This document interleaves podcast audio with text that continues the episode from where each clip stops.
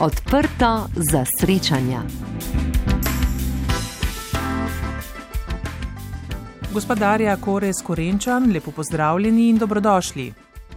Eh, lepo pozdravljeni tudi vi, hvala za povabilo. Čestitamo vam za izid nove knjige. Mnoge pred to so na knjižnih policah bravcev in knjižnic.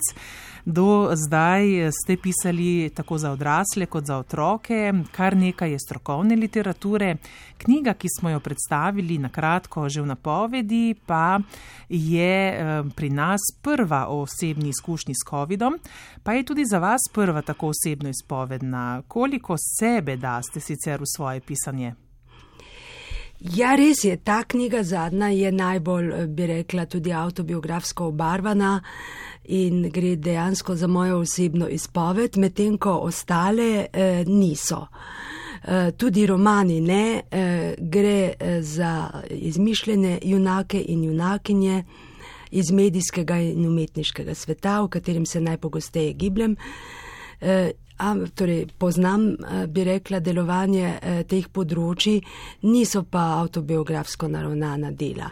Medtem ko tole zadnje pa je, ja, ne gre za neko zajetno knjigo, eh, poglavitno je pa to, da sem jo napisala z levo roko, ko sem pravzaprav še zelo težko pisala in v dveh mesecih, kajti želela sem, da nekako izide zdaj, ko ta epidemija še obstaja žal med nami in da je na ta način tudi eh, knjiga aktualna. Eh, v njo sem vključila tudi nekaj teh svojih autobiografskih okruškov, ker sem si rekla, verjetno se bo marsikdo vprašal, eh, zakaj sem tako hudo zbolela, ali sem bila predtem kaj bolna, kronično morda, ali sem eh, zdravo živela ali sem eh, imela kakšne težave v službi, sem bila pod stresom in tako naprej. No, eh, prav zaradi teh vprašanj, ki si bi jih morda kdo postavljal, sem celotno eh, to zadnjo knjigo postavila v nekoliko eh, autobiografski kontekst. Dolgo vas že spremljamo tudi na televizijskih zaslonih, za vami je skoraj 40-letna karijera. Zgodbo, ki je vaše življenje obrnila na glavo in knjigo, v kateri ste to zgodbo zapisali, ste prišli na drugo stran mikrofona oziroma novinarskega peresa. Kako drugačna je ta vloga? Ja, tudi ta vloga je zanimiva. Seveda sem bila do zdaj sama predvsem navajena zastavljati vprašanja, zdaj so mi jih pa drugi. Moram reči, da takega medijskega odmeva niti slučajno nisem pričakovala. Bilo je res eh, tisti teden po izidu knjige eh, ogromno zanimanje vseh medijev, tako tiskanih kot eh, elektronskih in pravzaprav sem bila kar mal Eh, bi rekla, pod stresom, ker eh, sem želela tudi, da ne bi prišlo do kakšnih napačnih podatkov in sem prosila vsakega novinarja, da mi je poslal intervju v avtorizacijo, torej da sem pač na hitro pregledala, če ni bil kakšen podatek napačen, ker gre le za občutljivo temo. Tako da mi je to vzelo kar veliko časa. No. In, uh, um, Konc koncev sem morala tudi kakšen intervju odreči, ampak um, Tisto, kar me je še bolj presenetilo, je to, da sem dobila ogromno sočutnih pisem in tudi takih, ki so mi čestitali za pogum, za to, da sem napisala to delo. In uh, nekateri so mi pisali na roko, drugi so mi elektronska sporočila poslali. In ker sem tak človek, da nikogar ne želim pustiti brez odgovora, sem vsakomor odpisala, saj z enim stavkom. Pa če dovolite, bi morda eh, eno pismo prebrala, eh, oziroma uh, dva izseka imam tukaj, eh, ki sta se mi, se mi še posebej dotaknila. Ena gospa mi je napisala, v času, ko je na svetu zaradi ene same bolezni toliko fizičnih poškodb in bolečin, smrti, toksičnih čustev, predvsem pa razdvajanja med ljudmi, sem vaše besede začutila ne le kot živo sliko realnosti, temveč predvsem kot poziv k sočutju, strajnosti in brezpogojni ljubezni. Verjamem, da vas je vesolje namenoma izbralo za tako izkušnjo in to z upanjem na vse, kar znate dajati sebi, najbližjim in svetu. Druga gospa, to je dr. Maca Jogan, profesorica dolgoletna na FDV-ju, mi je napisala takole. Že med poslušanjem vaše ganljive pripovedi o bitki za življenje sem sklenila, da se vam moram še pisno zahvaliti za knjigo Korak za korakom. Tako kot predsednica Slovenskega centra PEN, tudi jaz nisem mogla odložiti vašega dela, dokler nisem prišla do konca. Kako dragoceno besedilo, ki z malo besedami pove neskončno veliko. Čestitam vam za pogum in strajnost na trnovi poti za življenje, ki ste jo izjemno prepričljivo ubesedili. Konec citata. E, taki odzivi, ne, tudi ko ste že precej utrujeni od e, ne nazadnje ponavljanja te zgodbe, verjamem, da zelo ublažijo to utrujenost in to vse te obveznosti, ki vam jih je ne nazadnje tudi ta knjiga naložila. Ne? Ja, na eni strani je to seveda odgovorno, na, na nek način tudi eh, zahtevno. Eh, moraš eh, speljati potem vse do konca, torej od začetka pisanja pa do eh, končne promocije. To je pač taka eh, normalna pot vsakega izida knjige in eh, to sem zdela v zakup in sem si rekla, to moram zdržati in sem tudi zdržala. In to je, mi je bilo po eni strani tudi v veselje. Taki eh, odzivi na knjigo so res lepi in si lahko samo zadovoljen. Vsak avtor bi bil zadovoljen. Ne? In uh, um, je pa res, da s tem, ko razlagaš uh, v intervjujih uh, potek te zgodbe, jo na novo in spet znova in znova podoživljaš. To uh, ni enostavno, je lahko za koga uh, tudi stresno. No, jaz sem nekako avtosugestivno znala čez to in uh, mi zdaj ni več hudo, ko to pripovedujem. Na nek način pravimo, da tudi to je del terapije, del celjenja. Ne? To, da zgodbo delimo z drugimi, vi ste izbrali uh, to obliko knjige. Se morda, se, je to morda zato, ker se tako preko pisanja tudi najlažje izražate? Ja, s pisanjem sem se vedno uh, najlažje izražala, pa tudi izgovorjeno besedo. To je nekako del mojega poklica in um, retorično nikoli nisem imela nekih posebnih težav. In uh, zato mi je eno in drugo blizu. Kar pa zadeva to, delitev svoje osebne izkušnje z drugimi, seveda to je na nek način terapija, ampak moj namen ni bil samo predstaviti svojo osebno zgodbo, ki se mi je dogajala v začetku tega leta, ampak jo nekako oplemeniti tudi z določenimi napotki, torej, da si koristen, da pomagaš drugim. To se mi je zdelo tisto plemenito dejanje, ki me je držalo po konci. In jaz sem v tem času res zdravljenja in rehabilitacije spoznala veliko novih stvari. Na nek način me je ta preizkušnja obogatila z novimi spoznanji, ki sem jih strnila potem ob vsakem poglavju v ene napotke in jih tako poskušala prenesti tudi na, na bravce in vse tiste, ki bi jih zanimala ta knjiga. Ko bi zboleli, pa ne samo za COVID-om, tudi za kakšno drugo boleznijo in bi jim to morda prišlo prav. Ostaniva pri tej zgodbi. E, okužili ste se lani marca. Ne veste kako, saj ste se držali vseh ukrepov, sledila je hospitalizacija, na to selitev na intenzivno nego, kjer so vas priključili na respirator. Iz umetne kome ste se prebudili po 16 dneh. Povedali so vam, da so morali zaradi zapletov amputirati vseh pet prstov desne roke. Intubacija vam je poškodovala glasilke. Ste se kdaj vprašali, zakaj prav jaz? Ja, seveda sem se vprašala, ampak potem eh, sem se nehala spraševati o tem, ker enostavno o, tako je bilo in kot ste tudi povedali, vsega sem se držala, nisem bila nič kronično bolna, tudi nisem neka rizična skupina, ker še nisem tiste starosti.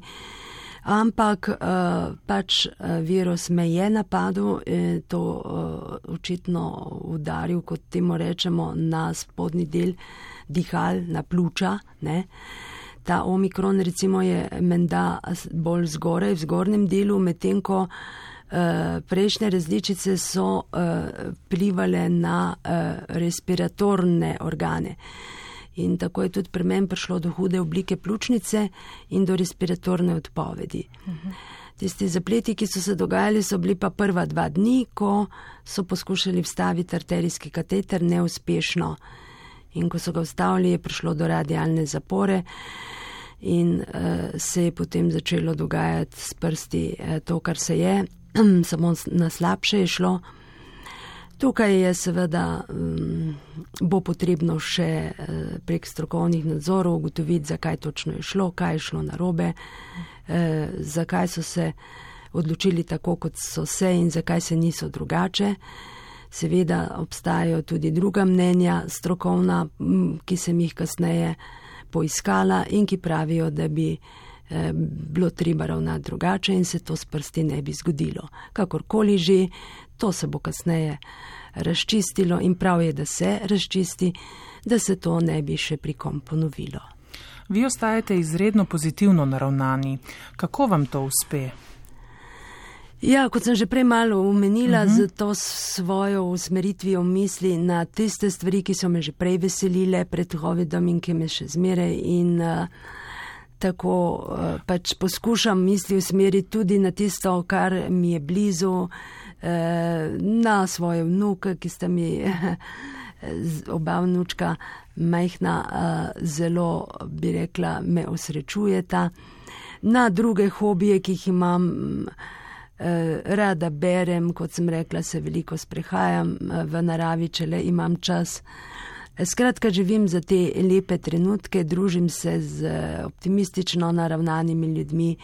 Smeh je tudi zelo pomemben, ne, čeprav se včasih težko smejimo, ko uh, smo v kakšnih težavah, uh, ampak uh, depresivni ne smemo postati. To, to je, je, ključno, ne, to je tisto, to me zanima. Ja. Recimo, nekateri pre, se prepustijo jezi. Ne, ja, premagujem kakšno uh mhm. -huh. stvar, ko recimo rečem, ja, zdaj bom pa to naredila z levo roko. Jaz pa mi reče drugi, ja, ti lahko kar z levo roko vse narediš. In v prenesenem pomenu ne, je to tist, ah, jaz bom to z levo roko upravljala. V bistvu pa ne moreš drugače kot z levo. Ne. Tako da včasih tudi malo na humor obrneš stvari in, uh, in si misliš, da uh, se drugi so veliko težje še bolni. Namreč zdaj, ko sem ta pisma dobivala ob izidu knjige, so mi mnogi zaupali tudi svoje zgodbe, ki so izredno težke, uh mhm. tudi kar zadeva recimo to težke bolezni, kot so rak in avtoimunske in tako naprej. Veliko ljudi mi je zaupalo, kako zelo na dnu so bili, ko so njihovi svojci zboleli, bodi si za COVID-om ali kako drugače. In potem si moraš najti neke teme, ki so ti blizu, neke hobije, nekaj, kar, kar te izpolnjuje. Ker če bi samo tisto premljeval, kar te teži, bi se samo s tem obremenjeval. In poznam nekaj ljudi, ki so padli v globoko depresijo. Uh -huh, uh -huh. In tu je potem uh, treba, uh, veste, to premagovati drugače, ne medikamentozno, ker to je potem tako, da se nafileš s tistimi tabletami in seveda to ne vodi kam zelo dobro. Pa naprej, tudi, če ne. so potrebne, ampak vseeno veliko dela je treba na sebi. Ne? In eh, vedno pogosto takole slišimo, da moramo biti hvaležni za to, kar imamo, ne pa zafrustrirani, žalostni, jezni za to, česar več nimamo. Ne? Ja, ljudje se postavljajo na neke uh mhm. -huh. visoke cilje in strahotno uh mhm. -huh. obžalujejo, če nekaj izgubijo in ne vem kaj vse. Ampak eh, tako, kot ste rekla, treba je biti zadovoljen tudi včasih z malim, biti skromen, eh, živeti za lepe trenutke, ko zjutraj vstaneš in vidiš, da uh -huh. si je sonce. Hvaležen za to, da živiš, da nisi v pomankanju, da imaš ob sebi prijatelje da veš, da boš nekaj počel, kar te zanima. To so te stvari. Ne? No, ko smo najbolj napeti in obupani zaradi stanja v družbi, ki jo je prinesla epidemija, včasih navržemo tisto znano frazo: če bi to doživeli na lastni koži, ne bi zanikali te epidemije in njenih posledic. Seveda, nišče nikomor ne želi takega prebolevanja, pa vseeno se zdi, da mnogi niso uspeli začutiti neke kolektivne empatije. Se preprosto ne zmorejo postaviti v kožo nekoga, ki mu je hudo. Kako si vi razlagate to? Gre res vse samo za posledice trenutnega stanja ali gre za nek primaren ustroj vsakega posameznika posebej? Ja, s tem je tako. Nekaterih eh, se te informacije dotaknejo, drugih ne. Eh, smo praktično že dve leti vsak dan eh, prek medijev informirani o tem, koliko je mrtvih, koliko okuženih in tako naprej.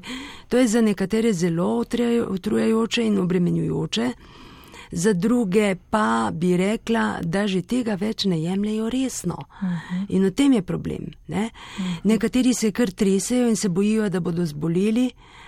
A, poleg tega raziskujejo, kaj jim bo cepivo povzročilo, in se ne upajo cepiti, tako da so vse čas v enem strahu. Mhm.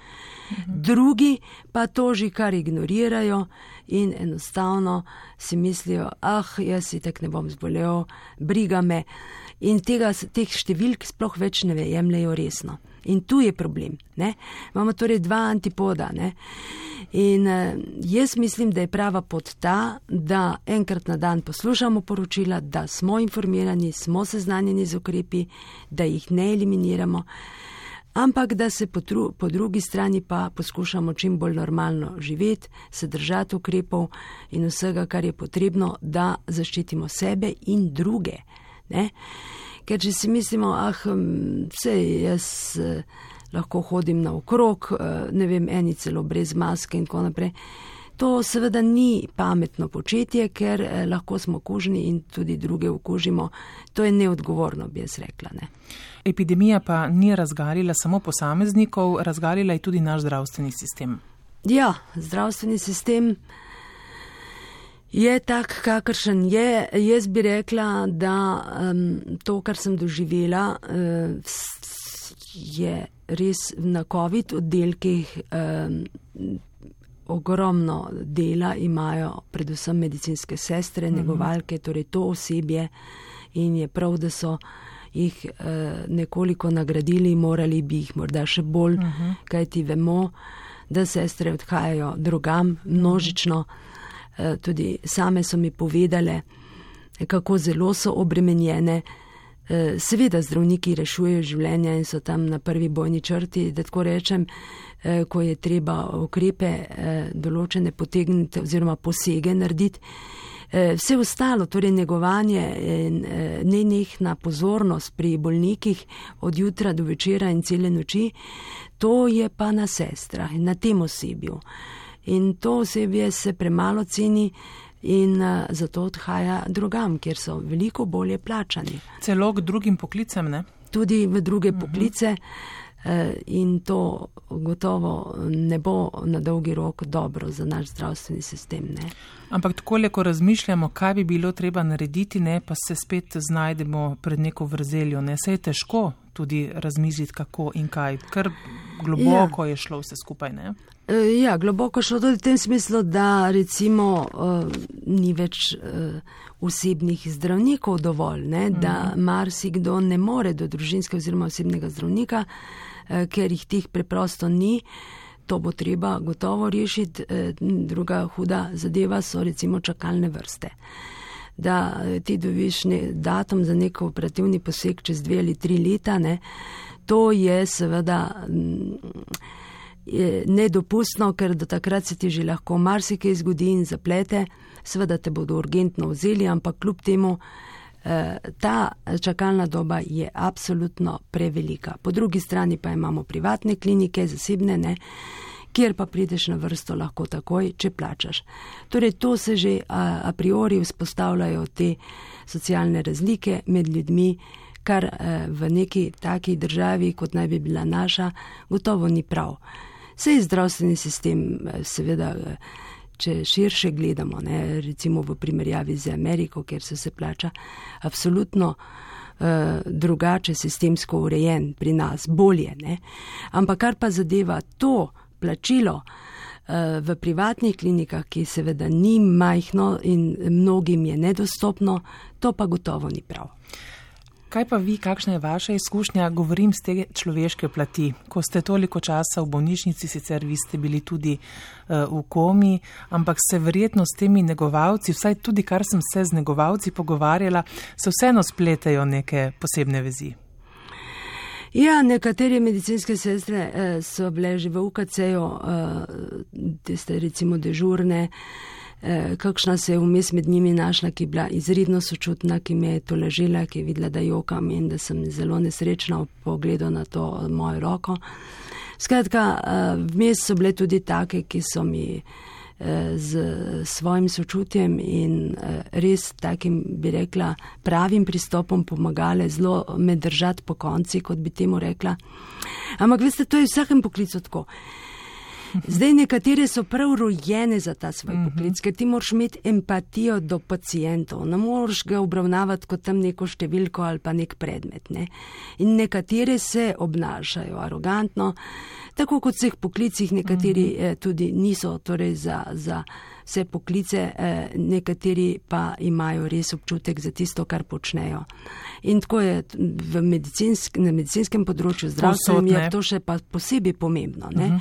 Ker vsak pacijent, ki je bolan, ki ga nekaj teži, ki ga boli, ki Eh, potrebuje to lažbo, zelo pogreša kakšno, eh, kakšen, eh, bi rekla, lepo besedo, kakšen iskren pogled, kakšno to lažbo. Seveda ča, sestre nimajo ki dosti časa, da bi se vsakemu mhm. posebej posvečale, ampak nekatere so pa res pravi sonček, kot ti stisnejo roko, kot ti kaj povedo, kakšen stavek, ki te malo upogumi.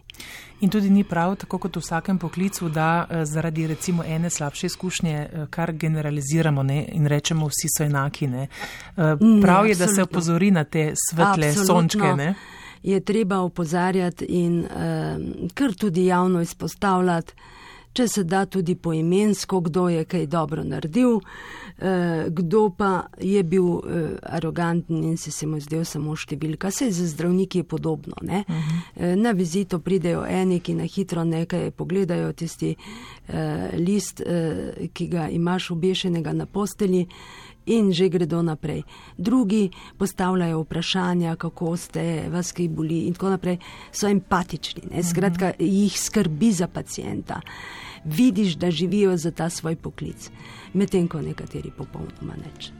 To je stvar uh, osebnega ustroja, ne? tisto, kar Gotovo. ima vsak posameznik ja. v sebi. No, ta izkušnja vas ni le zaznamovala, ampak tudi veliko naučila, tudi sami ste to povedali. Uh, v knjigi, uh, tudi kot sami pravite, ste zbrali oziroma delite nekaj napotkov. Enega, recimo, uh, sem tudi sama uh, izbrala. In sicer gre tako: pomembno je ohranjanje stikov s prijatelji in sorodniki, predvsem pa z osebami, ki niso sovražne, maščevalne, zavisne, obrekljive, privoščljive, hinavske in tako naprej. Tistih, ki niso iskreni in imajo vsaj eno od teh lasnosti, se raje izogibajmo.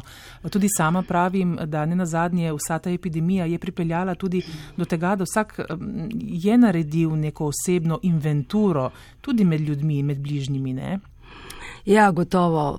Torej, eh, jaz sem dobila veliko sporočil, še ko sem bila potem na okrevanju v Sežani, v negovalni bolnišnici in telefonskih klicev od sorodnikov, prijateljev, znancev, sodelavcev. A veste, nekateri sporočila so zgolj uh, fraze, drugi so, druga imajo uh, globljo, globli pomen, globlja sporočila, vsako posebej se me je na nek način dotaknilo. Se mi pa zdi, da sem uh, intuitivno začutila iskrenost pri tistih, ki so res bili iskreni. In to iskrenost uh, cenim. Eh, in eh, zato ohranjam seveda stike s tistimi prijatelji, za katere vem, da so iskreni. Je pa to res, da dan danes je eh, pravzaprav tudi veliko drugih čustev, ki ste jih prej našteli oziroma nekih, bi rekla, potez pri ljudeh, ki nam niso vedno najbolj všeč. In če nas to na nek način bi rekla, eh, žalosti ali pa jezi, je bolje, da se s takimi ljudmi enostavno ne družimo, da jih ignoriramo in smo s tem naredili tisto, kar je za našo dušo najbolj prav. Ne, da se z njimi prepiramo ali se spuščamo v neke dialoge, ki brezplodne, ampak se umirimo in sami pri sebi izbiramo tiste ljudi, za katere vemo, da, da so nam blizu tudi našemu značaju in tudi sicer, da lahko z njimi komuniciramo. Težke izkušnje in preizkušnje, ne, ki nam jih daje življenje, zelo izostri čut eh, do takih in tudi hkrati potegne iz nas eh, neko to odločnost. Ne. Eh, veliko lažje se mi zdi in veliko bolj um, takole tudi na miselni ravni naredimo, potegnemo črto, ne, brez slabih občutkov. Kaj menite? Ja, absolutno. Torej, ljudje, ki te gledajo tako čudno in te samo pomilujejo. To je, gledajte, v taki situaciji, ko jo doživiš, je to mm, ena plat, ki pa se mi zdi, da ni ravno sprejemljiva. Tisti ljudje, ki vidijo nekaj več v tem, ki vidijo pogum, ki vidijo res tisto, uh, bi rekla, sporočilo, ki ga jaz prinašam skozi to knjigo globlje. Tisti se mi zdi, da znajo pravilno razmišljati, znajo pravilno pristopiti takim ljudem in eh, to so tisti ljudje, do katerih sem odprta in bom tudi ostala še naprej. Ko sem v preteklosti eh, koga, ki je dal tudi tako te, težko življenjsko izkušnjo eh, skozi, vprašala eh, za napotek, kaj ljudem svetuje. Namreč, ko se nekomu bližnjemu nekaj tako težkega zgodi, mnogi se niti ne znajo, ne znajo ravnati, ne vejo, kaj bi povedali, morda se tudi zaradi tega odmaknejo. In vsi so mi rekli, da je iskrenost tista, ki je potem na koncu najbolje poplačana um, pri pristopu do človeka, ki je imel uh, za sabo tako težko izkušnjo. Se strinjate s tem?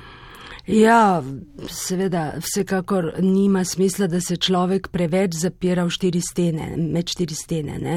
ampak da uh, svojo izkušnjo deli naprej, če pa ima še kaj koristnega za koga povedati, pa toliko bolje.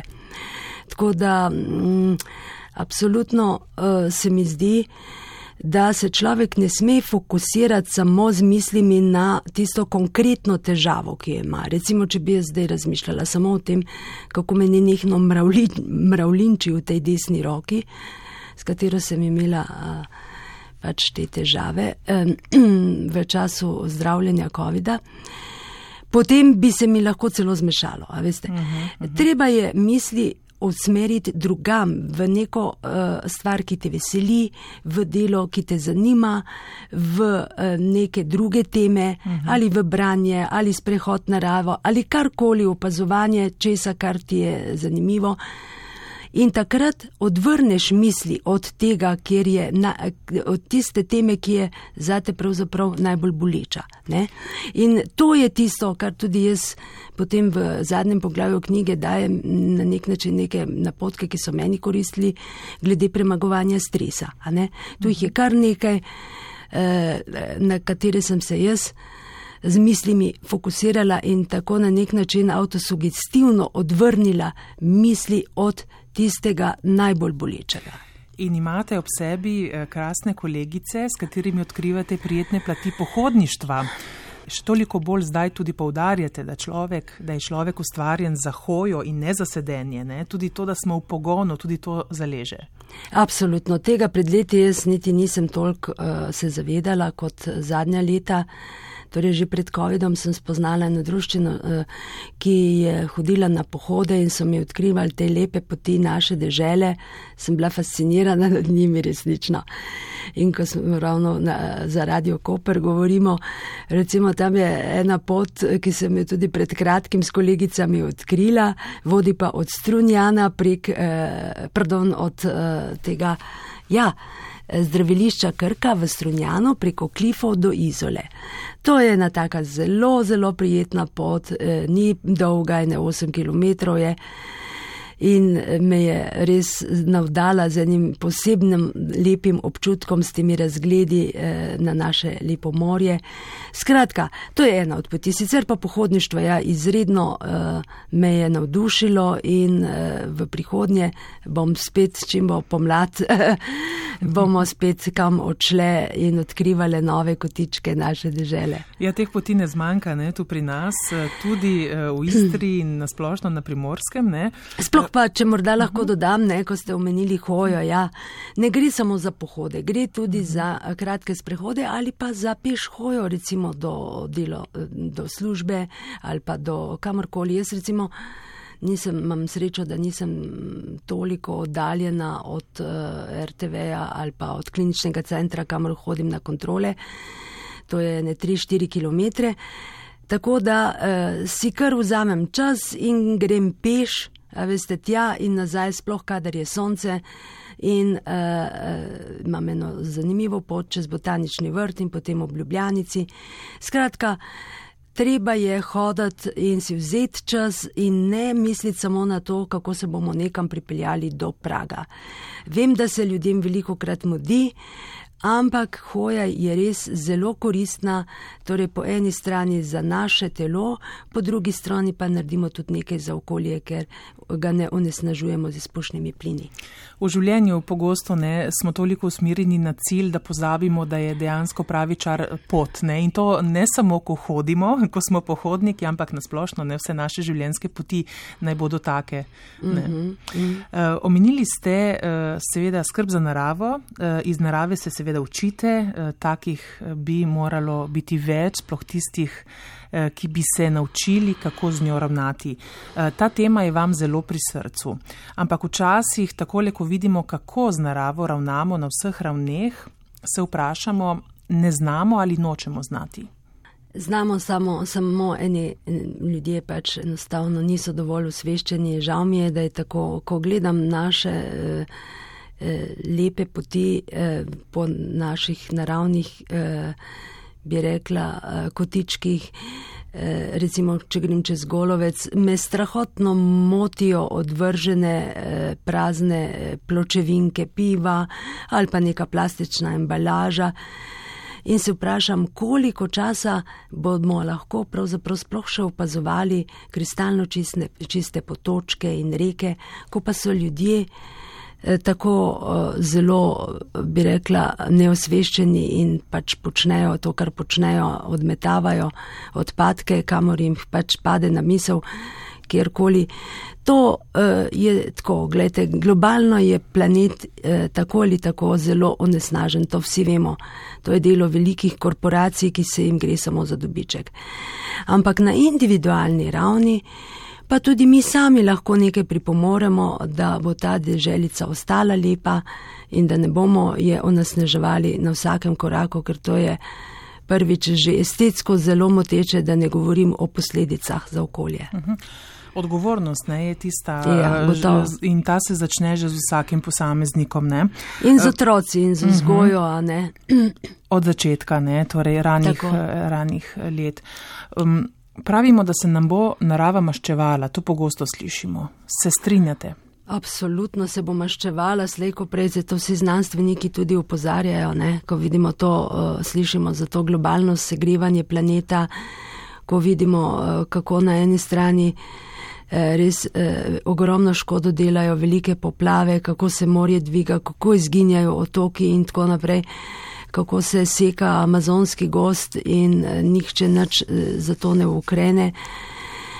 Poleg tega v nekaterih državah se zelo zavzemajo za to, da se premoga ne bi več uporabljalo, eh, medtem ko v drugih veliko večjih porabnic premoga niso za to naredili nič. Skratka, planet globalno vsi vemo, da je veliko vprašanje, koliko časa se bo še dihal sveži zrak ampak na tej eh, mikroravni eh, bi pa eh, lahko vsakdo vendarle nekaj pripomogel k temu, da bi imeli či, še čist zrak in čiste vode. Kako pa gledate na ta virus? Tudi ta ima svoj naravni potek. Ja, vsi bi si želeli, seveda, da se bi končno umaknil. Upamo, da letos eh, bo tako se je že dve leti med nami in je tako rekoč ugrabil uh, človeštvo. Toliko žrtev, kot je bilo, uh, človek pravzaprav ne more verjeti. Ne? V 21. stoletju smo in uh, je toliko uh, milijonov ljudi umrlo za enim virusom. Ne? No, sej po drugi strani je relativno hitro prišlo tudi cepivo v enem letu, tako da znanost je delovala hitreje, verjetno sploh ne bi mogla prišla so tudi zdravila, in, ampak um, veliko ljudi še dvomi v to. Ne vem, pač seveda vsakdo ima pravico do pomislekov, ker ljudje ne vedo, kako bo cepivo na nje delovalo, bojijo se posledic, mislijo, da so poskusni zajčki in tako naprej. Ne.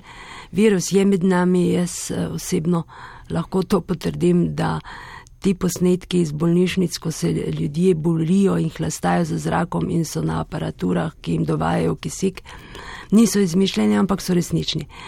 Veste, to je tako, kot da bi prišel na en drug planet, ko se zbudiš iz kome in potem okrog sebe vidiš v skafandrih dobesedno to zdravstveno osebje in uh, ogromno enih celk in aparatur, ki te držijo po konci, ki si popolnoma nepokreten, tako da to dejansko obstaja. Seveda pa ne napade vseh, kot vemo, ne. Eh, žal nekatere bolj, uh -huh. uh, druge pa manj, tako da. To bo znanost še vse odkrila, ne? Gotovo Zakaj bodo narejene še ve, študije, sej v tako kratkem času študije tudi ne morajo biti narejene, ne? neke, uh -huh. neke poglobljene študije znanstvene. Gotovo pa še bodo. Usporedno pa seveda moramo uh, in tisti, ki so uh, stroka, govorim, uh, tudi delati veliko na tem zaupanju, ne? ki se je v teh dveh letih pogosto porušilo ne? In tako odprlo še več vprašanj, kot je dalo odgovorov. Koliko stare darje je še ostalo in kakšna je nova? Ja, nova je malce spremenjena, recimo vizualno. Uh, sicer pa je stara kar ostala v tem smislu, da me zanimajo podobne stvari, kot so me že in da grem naprej eh, tudi tukaj na svojem delovnem mestu, da veseli me, da lahko upravljam to delo, ki sem ga do zdaj. Uh, sicer nisem toliko več pred kamero in tudi pa, počasi se mi glas izboljšuje, tako da uh, ni teh eh, groznih težav, da ne bi mogla početi več tega, kar sem prej. Tisto, kar bom pa še spremenila, je pa to, da bom delala na sebi, da bom živela za lepe trenutke, da se ne bom zadajala nekih res težkih in visoko letečih ciljev, ki niso dosegljivi, ampak čisto realne. Uh mhm. -huh. In uh, to se mi zdi, da bom še posebej upoštevala, ker z leti moramo ljudje tudi kaj narediti zase, ne samo za druge, pa samo misliti na to, kako bomo. Ne vem, gradili kariero, ampak da si vzamemo čas eh, tudi zase. Lahko pričakujemo v kratkem kakšno novo knjigo? ne, zdaj pa mislim, da nekaj časa vseeno ne bom pisala, čeprav pravijo, od zrečenega kruha se največ poje. Ne, sem se odločila, da si vzamem vendarle eh, nekaj odmora in da bom zdaj bolj brala kot pisala. Imam v knjižnici naročenih kar nekaj knjig, ki jih želim prebrati in zdaj le nisem imela časa. Tudi, veste, tam v bolnišnici negovalni, ko sem že eh, bila toliko pri sebi, da bi lahko brala nisem imela knjig in sem jih zelo pogrešala, tako da zdaj bom to nadoknadila. Odlično. No, še za konec eh, vas vprašam. Pravimo, da nas je epidemija spremenila, da se je družba nasploh spremenila, eh, kar, ker je za spremembe dejansko vedno čas. K čemu naj stremimo, kam naj usmerimo naše moči, naše misli? Ja, Kar zadeva ta virus, upamo, no, resnično, da bo letos izvenel, kdaj seveda nihče ne ve, tudi strokovnjaki ne, ampak upanje umre zadnje, ne pravimo.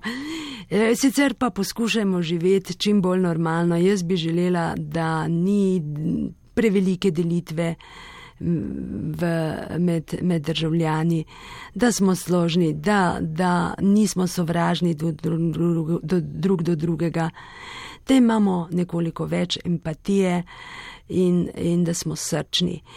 Ker eh, to, eh, da se kar naprej tako imenovano verbalno blato, jaz pravim, meče po spletu, Eh, je, je škoda, ker meče tudi slabo luč na slovence, ki veljamo za pošten delovni narod in eh, želela bi si, da tako tudi ostane. Predvsem pa, da se bomo lahko začeli družiti, se objeli, si kaj lepega rekli, si iskreno pogledali v oči in končno rekli, virus je za nami in lahko normalno zaživimo. Nikoli ne obupajmo, ne? Tako ne smemo obupati in Jaz osebno bi si pa želela spet kakšno potovanje, ker se zelo rada spoznavam tuje kulture tudi in uh, srčno upam, da bo to mogoče, če ne prej v drugi polovici leta, ko bi si spet želela kam uh, in uh, si ugledati kakšne kulturno-zgodovinske znamenitosti ali pa tudi enostavno se eh, radostiti v kakšnem zanimivem ambientu, kjer bom spoznala tudi kakšne, kakšno, eh, bi rekla, eh, tujo kulturo, ki me bo mhm. oplemenitila. In obogatila, ne? Tako. Čustveno in duševno, ne, da ne bo kdo narobe ja. razumel. Gospodarja Kores Korenča, najlepša hvala, da ste bili gostja uh, na Radio Koper. Želim vam vse dobro, želim vam obilo zanimivih knjig, med katerimi eh, se bo zagotovo znašel tudi kakšen turistični vodnik v pripravi na potovanja, potem, ko se bo to seveda spet dalo in seveda, da bi se tudi vse druge stvari, ki so bolj formalnega tipa, uspešno zaključile. Hvala lepa tudi vam za tale pogovor in za to, da ste me povabili in lepo zdrav na primorsko, ki jo vedno obožujem.